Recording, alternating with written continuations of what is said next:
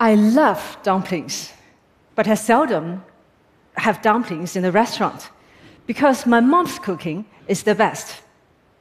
One day, I happened to take a bite of Dumpling Xi's dish. To my surprise, they had a flavor of going home fresh, chewy, and unexpected. In addition to being a dumpling lover, I actually have a full time job. I am a management consultant, so naturally, I was keen to understand the reasons behind those delicious dumplings. What I didn't expect is that this dumpling triggered my exploration of new ways of management in China, a change that is deeply rooted in Asian Chinese philosophies. But first, let's go back to the dumplings. Gao Defu founded Dumpling Xi 17 years ago. Today, the company enjoys 500 stores with 8,000 employees. But it wasn't always the case. Three years ago, the demand for his dumpling was soaring due to consumers' craving for healthy food. But the strong growth of online food delivery service had pulled the consumers away from the store visit, causing a huge concern for Gao. If I were to advise Gao back then, I would go directly with classical approach. Hire inventory managers, providing training on how to integrate online offline sales, or having some high potentials fully dedicated to the new job, such as chief digital officer. But Gao did something totally different. He invented a two hat model Instead of recruiting new executives, he invited five successful regional heads to take on a second role at headquarters. The catch was they had to do it while still being the frontline managers. Keep in mind that these people had no formal training or related experience in these fields. What they did have, though, was natural strengths and a growth mindset. When Gao first told me the idea, I said, Are you sure? I have seldom seen companies as large as yours to have part time senior executives. But Gao smiled. This is my dumpling way. Gao's team were also puzzled. In the first three months, the sales fluctuated, some even dropped by 20%.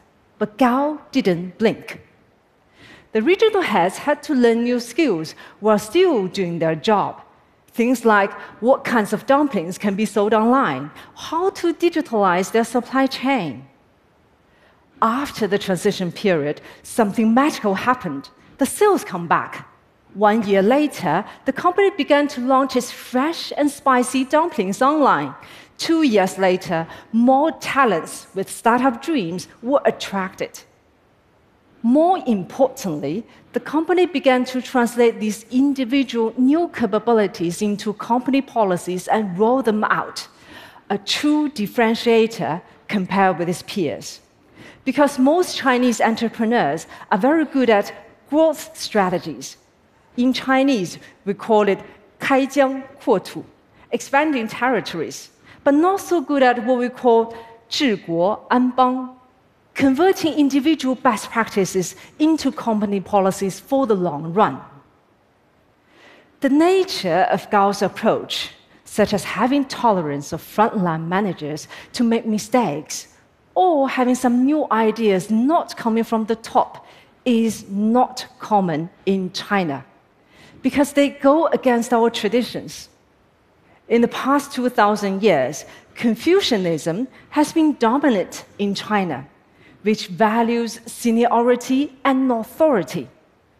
For a nation, this is a time tested formula to ensure order and harmony. For a company, this ensures precise execution at a large scale. But with business environment constantly changing, internet disrupting traditional industries, new millennials become a major workforce, new ways of management emerge.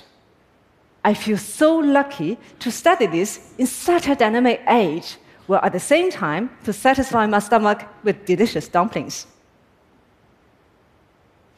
Gao's two-hat approach is just one example.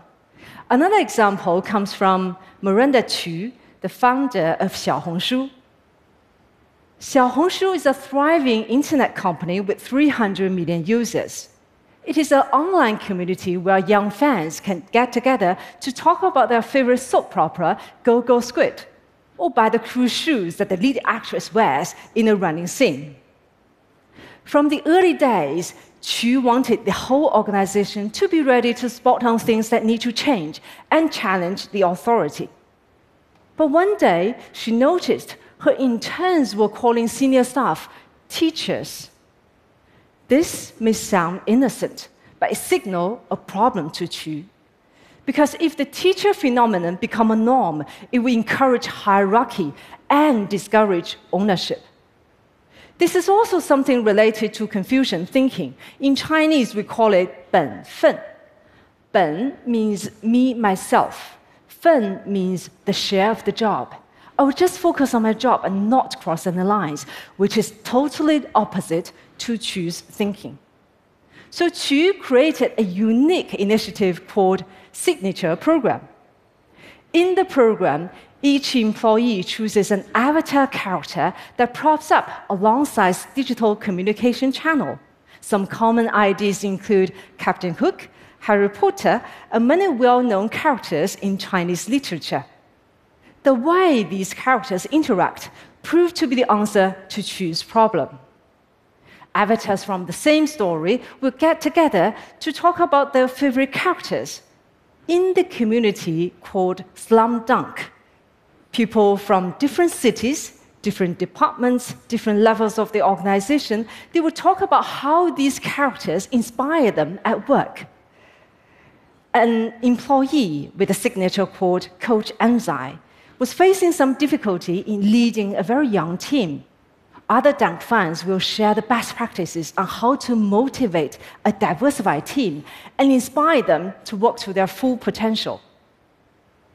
The signature program plays a pivotal role in fostering a collaborative environment at Xiaohongshu. Not only the teacher issue has disappeared, the company has been ranked as one of the most innovative Chinese companies by Forbes in the past two years. Gao's two-hat approach and Qu's signature program are just two examples of empowering the frontline staff. But these methods may not always be right. Let's take Ping An, for example, very successful insurance company the company couldn't adopt such approach for the whole organization because one, the company has 400,000 employees. And the line between innovative chaos and chaotic chaos is very thin. Two, the company has five ecosystems and 10 plus sectors healthcare, insurance, real estate smart city, very difficult to apply a bottom up innovation to all. But the company still needs to be innovating. Ma Mingzhe, the founder, positions the headquarters as the steering wheel, steering innovations and new ideas, cascading them down to its subsidiaries. One of the ideas that headquarters came up with is AI enabled loss assessment. For a not so complicated case, the car owner can take a picture of the damaged car, upload it online. The insurance center can decide the claim amount in right away by AI enabled loss assessment. Facial recognition, ID verification. The car owner can get the payment in a few minutes, which could have taken a few days. So, for companies that are difficult to conduct grassroots innovation, a centralized approach is also an option. The more I see these unconventional management mechanisms, Gao with two hats, Qu with signature program, and Ma with steering wheel, the more I ponder where do these mechanisms come from? They're definitely not Confucian they are very similar to another Asian school of thought, Taoism.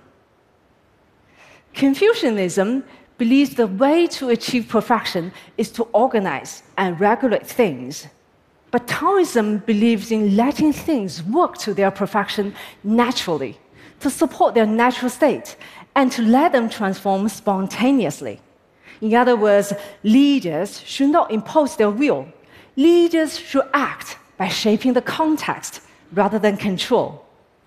Confucianism works best in winning a stable context, whereas Taoism, with its power to shape the context, is more effective in dealing with uncertainty. A leader is best when people barely know he exists. When work is done, people will say, We did it ourselves. Thank you.